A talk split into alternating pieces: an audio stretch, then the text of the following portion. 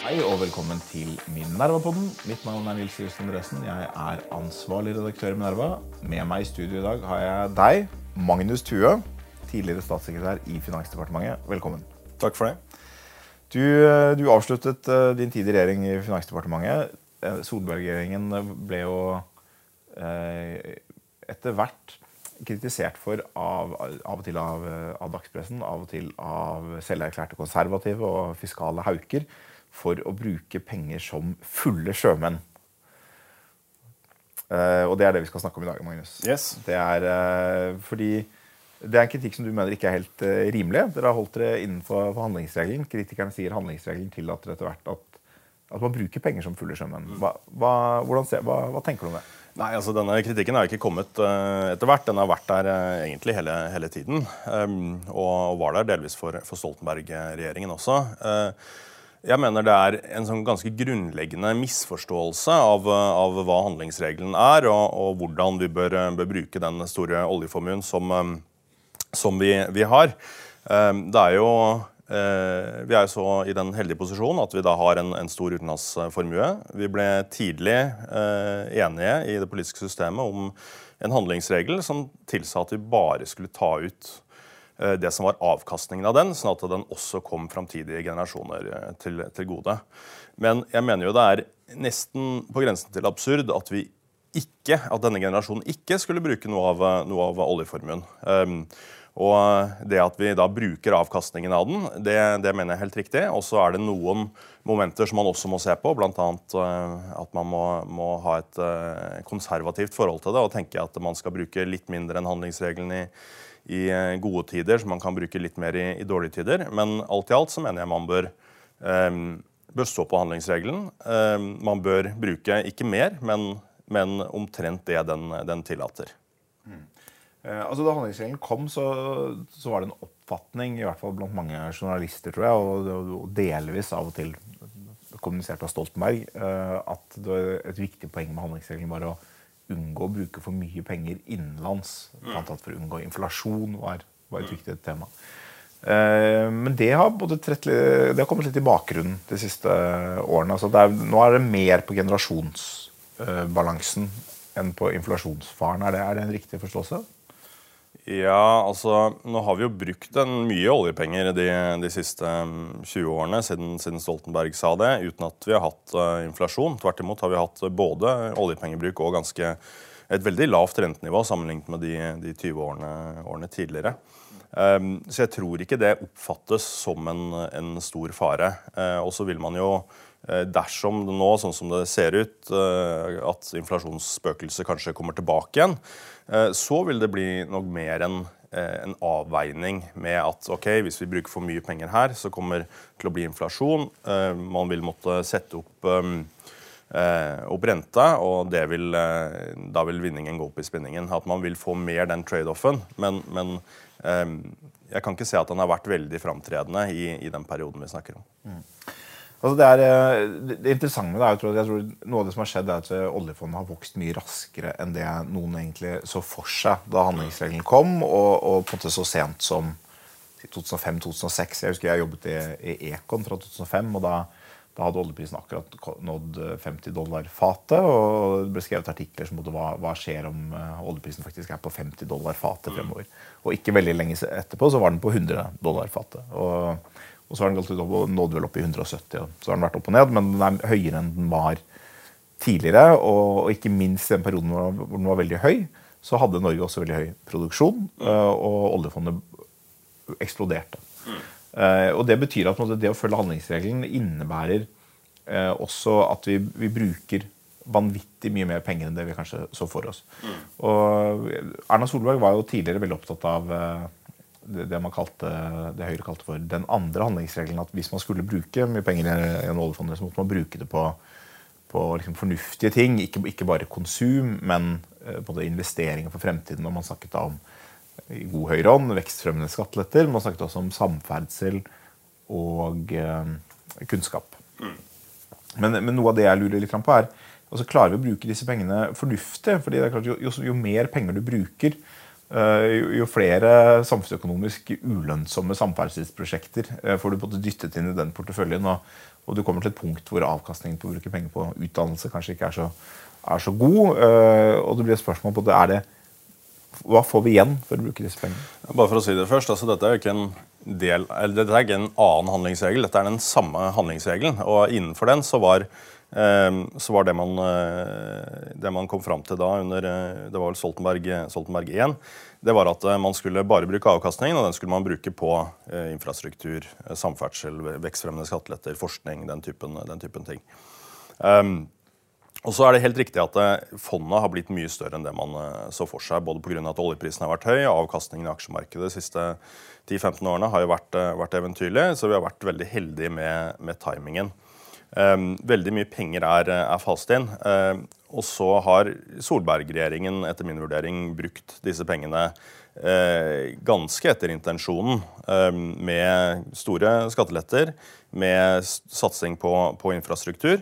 Og så vet jeg ikke om Man kan jo ikke telle dette krone for krone, men, men eh, alt i alt så er i hvert fall en betydelig andel av, av de oljepengene som er fast inn, brukt på nettopp, nettopp den typen formål. Mm. Ja, spørsmålet er både nesten mer om når, når fondet blir så stort, mm. gir, det, gir, det, egentlig mening å bruke, bruke så mye penger på, på, spesielt kanskje da infrastruktur og Skattelette får du på en måte alltid noe igjen for en viss forstand. ikke sant? Altså Det gir, gir penger, med, det gir penger i, i lommene til, til, folk. Uh, mens uh, samferdsel og, og, forskning blir litt sånn altså, Ok, Forskningsrådet får et budsjett for 5 milliarder med på budsjettet sitt. Mm.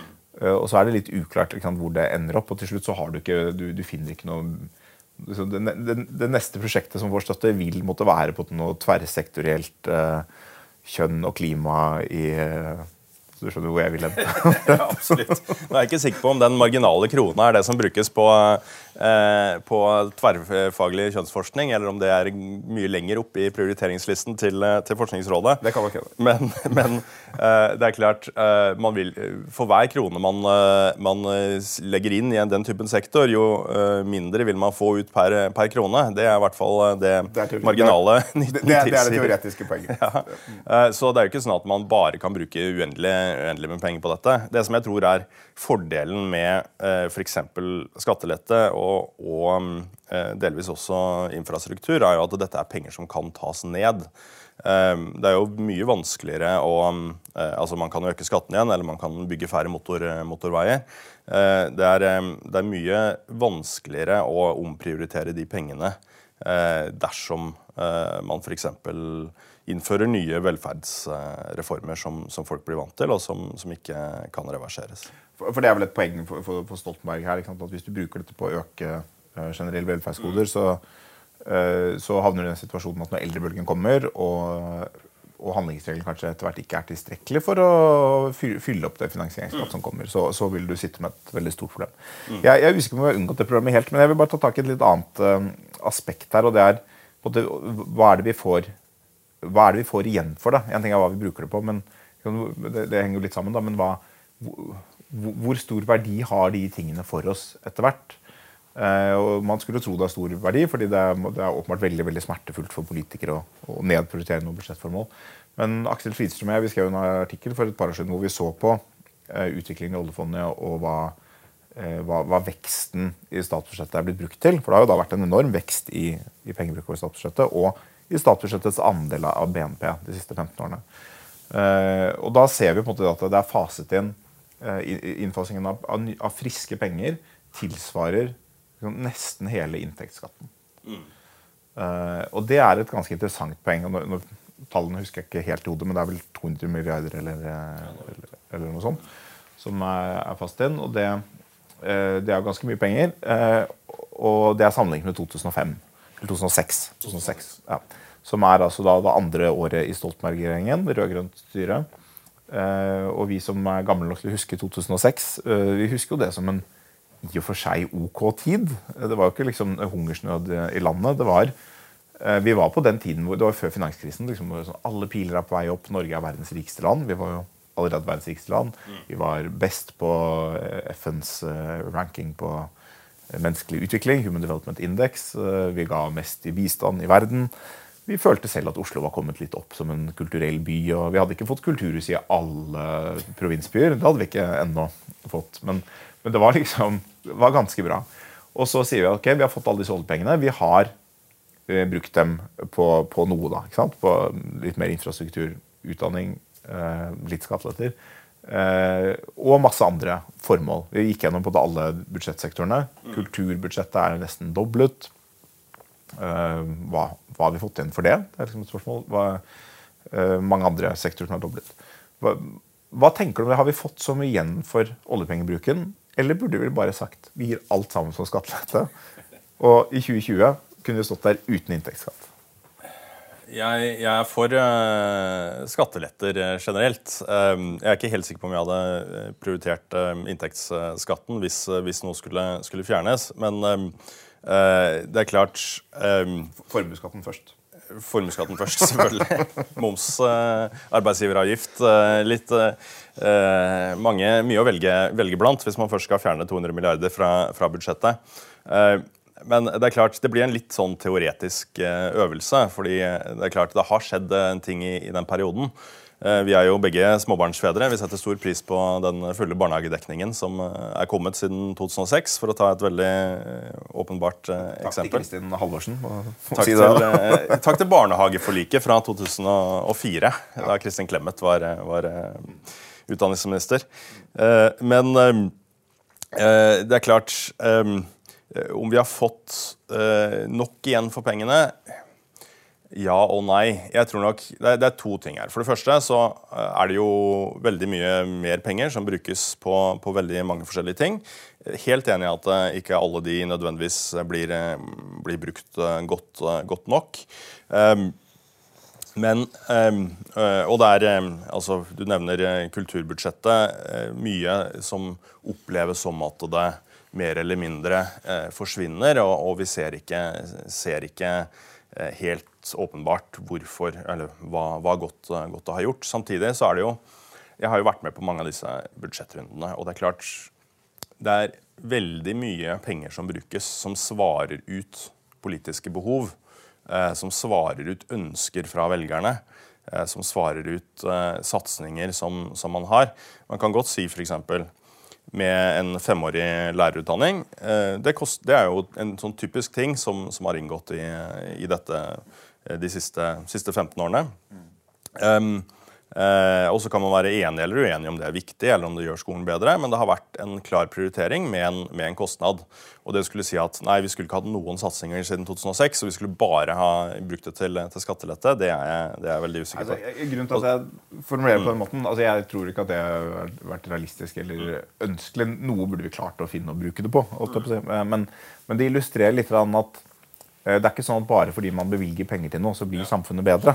Og, og, men jeg, du har jo et godt eksempel. altså Barnehager. Jeg er enig, altså jeg er enig i din Dette er jo litt sånn selvopplevd, bare, men jeg opplever det er absolutt noe som, som har blitt, uh, blitt, bedre. Og der ser man også sånn, også til og med effekten av, av den utdannelsen som ligger bak det. Kompetansehevingen mm. innenfor barnehagesektoren. Det er anekdotisk nivå, men det opplever i hvert fall vi. at det er Eh, det har jo vært en viktig og veldig interessant satsing. Mm. Og så er det spørsmål når du, men når du tar opp uh, lærerutdannelse, uh, endringene i lærerutdannelsen, så er det sånn interessant spørsmål hva, hva er egentlig effekten av det. Og det, sånn, og det man jo, kan man jo forske på. Og, og det er litt omstridt akkurat der. Jeg skal, vi skal trenger ikke gå langt inn i den debatten, men, men det, det, er jo et spørsmål om det fungerer. og det, og det er et veldig viktig spørsmål om det fungerer. fordi hvis det ikke fungerer, så er det liksom 15 milliarder kroner ut av vinduet.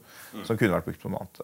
Og det som kanskje er ulempen med handlingsregelen eller ulempen med den enorme tilgangen til penger, er at det, det, å stille det spørsmålet Virker det? Gjør det livet til mennesker bedre?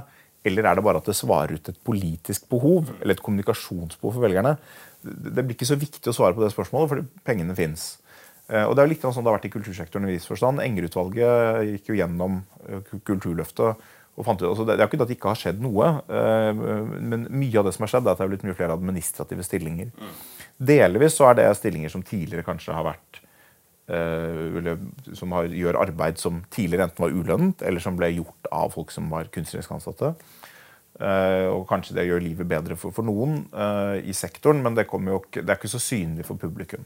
Så det er, ikke det, det er ikke hele forklaringen. det er jo da, Noe av forklaringen er jo alle kulturhusene, som ikke for seg er interessant å diskutere, for det binder opp enorme summer uh, som heller ikke liksom er selve kulturproduktet. Det er en, en, arena hvor det kan skje, men hvor det ofte ikke skjer. og Det, det er dyrt å vedlikeholde, og det brukes mye til utleie og sånn.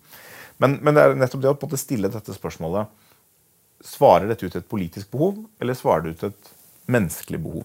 Det er to litt ulike ting. Nei, eh, og Svaret på det er jo begge deler. Det kommer litt an på hvor, hvor eh, hvilke eh, Hva konkret det er man, man tenker på. Eh, jeg vil f.eks. For, for å gå videre med den eh, eksempelet med, med, lærerutdannelse Om det er så dyrt som du indikerer, vet jeg ikke. Men, men, ja, det vet jeg. Eh, men, men Eh, det er jo utvilsomt sånn at eh, de fleste ønsker en, en bedre, best mulig skole for, eh, barna sine. Dette var et ønske om å svare på den problemstillingen for å gi et bedre tilbud til, til barn. Og så, som sagt, så kan man være enig eller uenig. Men der jeg er enig med deg, det er at det, det er i den situasjonen som Norge er i, for å ta det litt overordnede bildet igjen, i den situasjonen som Norge er i, så er det utrolig vanskelig å prioritere. Um, fordi vi, For det første fases det nye penger inn, sånn at man har mulighet til å finansiere nye prosjekter uten å kutte noe, uh, noe annet.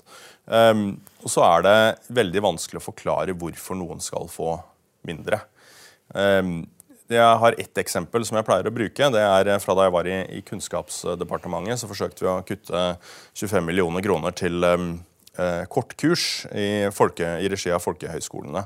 Dette er kurs som gjerne går til eh, folk på 50 pluss og kan være vinkurs i Toskana osv. Og, så og det er jo veldig fint eh, og helt sikkert eh, bra, bra kurs, men, men, at det er noe som skal subsidieres av staten, det er jo eh, det kan man stille et veldig stort eh, spørsmålstegn ved. Og dette er altså av en bevilgning på Eh, Folkehøgskolene fikk vel 800-900 millioner eh, i tilskudd på det tidspunktet. Og så eh, tar man da og kutter 25 millioner fra noe som ikke er en del av kjernevirksomheten deres.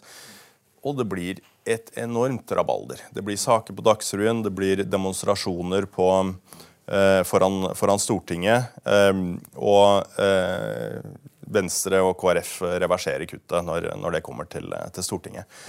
Og, og, dette skulle jo liksom være alle enkle kutts mor, men når, når, det, er, eh, når det er resultatet, så, så, eh, så ser man hvor komplisert dette er. da. Eller for å ta et veldig kjent... Man har gjort en litt dårlig sånn politisk vurdering at menn i 50-åra som tar vinkurs i Toskana, kan kanskje være en kjernegruppe for, eh, for Venstre. ja, men det, det, er et, det, er et, godt poeng, men, men samtidig så er det uh, Ja, man, man, skulle jo tro det var, var, noen som kunne klare seg uten, uten statlige, statlige, penger.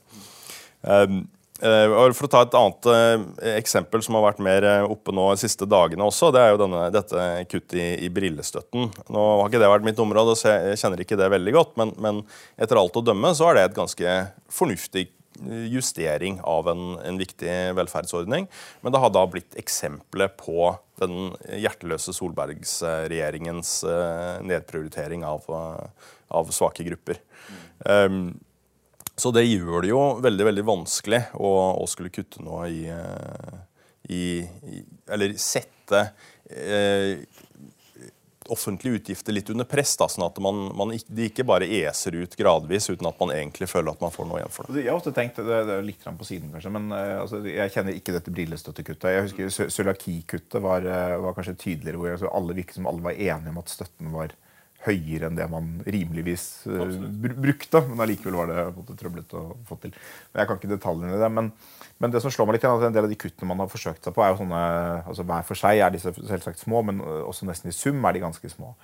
Mens hvis man skal gå på, på større utgifter, så må det på en måte bli av typen at man tar hele programmer eller liksom budsjettområder hvor man mener at effekten er for dårlig, og nedjusterer dem. Det, det vil jo f.eks. være, igjen, uten at jeg kjenner verken beløpet eller detaljene i effekten, men sånn femårig lærerutdanning. Er det, er det bra eller ikke? Er det bra? Eller er det ikke bra? Hvis det er bra, så gjør vi det. Hvis det ikke er bra, så gjør vi det ikke. Så sparer man på det hele summen. Det er ikke sånn at man sier da justerer vi 20 millioner i den satsingen. Liksom.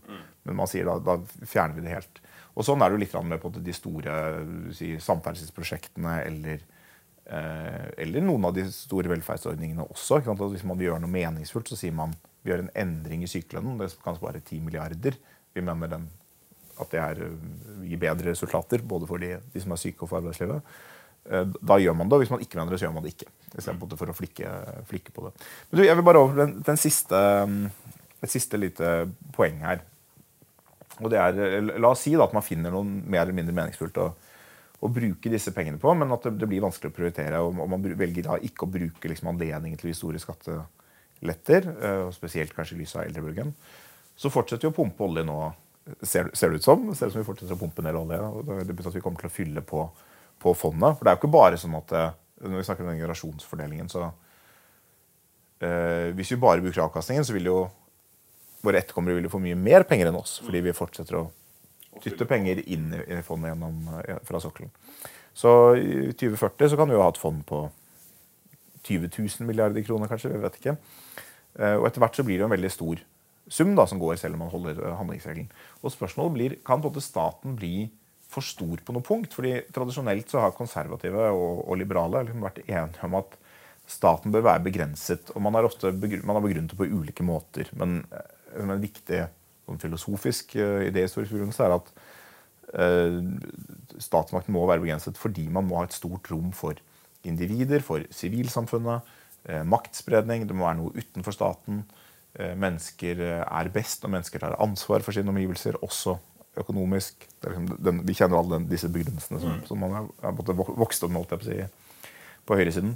Um, og spørsmålet er er det reelt sett viktige begrunnelser. Og hva gjør man da hvis oljefondet blir så stort at statsbudsjettet eser ut til liksom 60-70-75% av BNP. Og, og, det er ikke en helt teoretisk tanke, både når vi ser på si, oljefondets bane og eh, fortsatt oljeutvinning, men også når vi ser på landene i Gulfen, da, som har enda mer olje og enda færre andre inntekter, så ser vi land som har eh, hvor nesten hele statsbudsjettet kommer fra eh, olje og hvor statsbudsjettet er veldig stort sammenlignet med BNP. Og hvor det er, det er en veldig liten sektor som er utenfor staten. Uh, og det er jo på en måte i og for seg fullt kompatibelt med en situasjon der skattene er relativt lave og samfunnet ellers liksom er uh, si, en blandingsøkonomi. og Det trenger ikke å være noe sosialisme eller kommunisme i det. Men, men, er det et problem for konservative, en sånn utvikling? Um jeg, jeg, mener det er et problem hvis staten vokser seg stadig, stadig større. Ehm, jeg tror ikke jeg skal si et, et prosentmål som, som, bør være et absolutt maksimum. Ehm, og utfordringen nå er jo at eh, med eldrebølgen i, i tiårene framover, så vil staten vokse selv om man ikke øker, ehm, øker velferden eh, framover. Og det er ingenting som tyder på at, eh, at det ikke vil fortsette å være Eh, satsing på nye velferdsordninger heller. Ehm, men ehm, jeg vet ikke om oljefondet i seg selv altså Oljefondet legger jo et grunnlag for at man kan, eh, man kan øke nivået eh, på Eller det offentliges andel av, av BNP.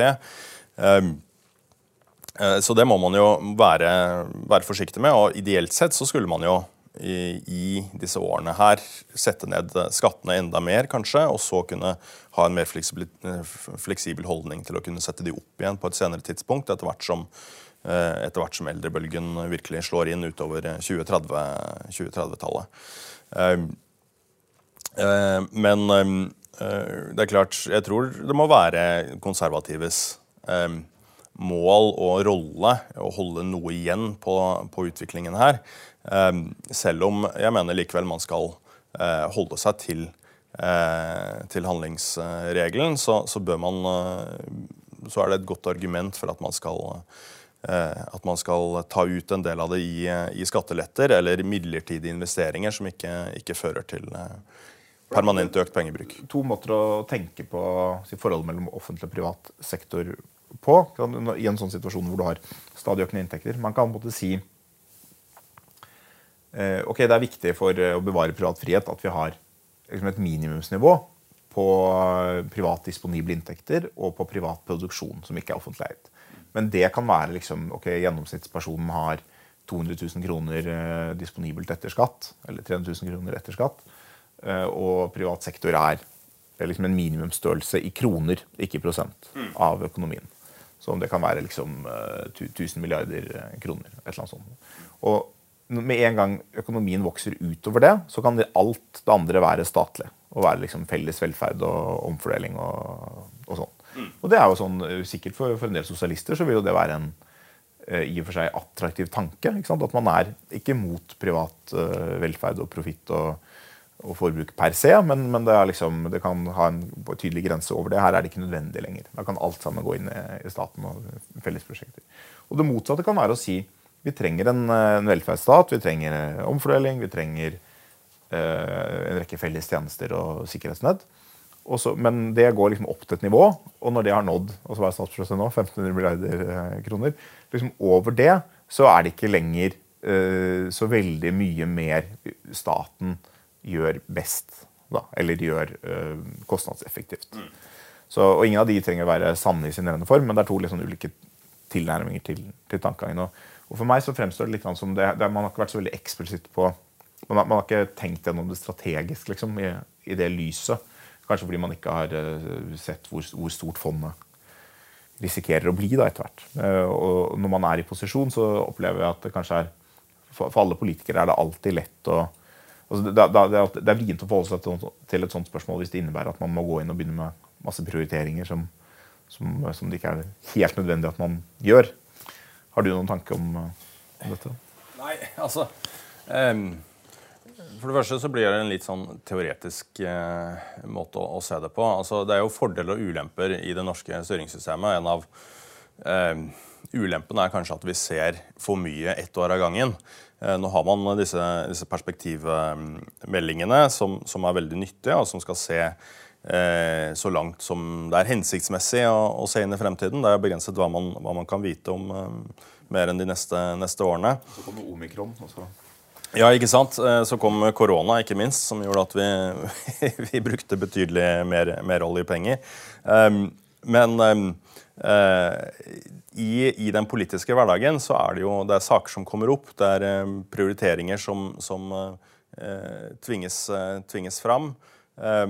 Og man, man gjør ikke den typen valg sånn som du, eh, du snakker om. Nei, nei. Altså- Så det er for å liksom, illustrere en ja, ja, ja, for å illustrere. nettopp en teoretisk Og, og man, kunne, man kunne ha sett det på eh, Man kan jo se, se det på begge måter, selvfølgelig, og det kommer jo litt an på hvilket eh, politisk ståsted, eh, ståsted man har.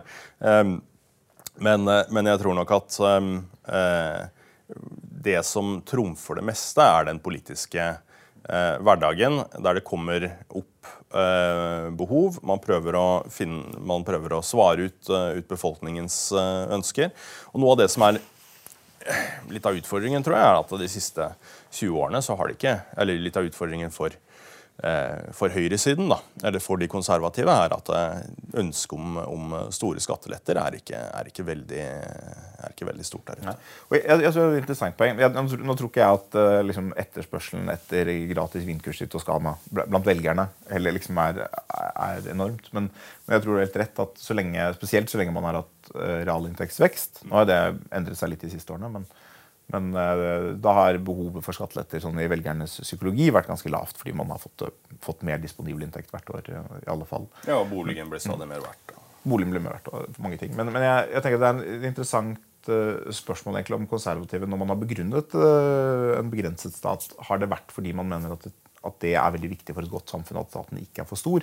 Eller har det av og til vært litt varierende, eh, vikarierende motiver for, for å si vi må ha lavere skatter? Fordi man ønsker å betale lavere skatt.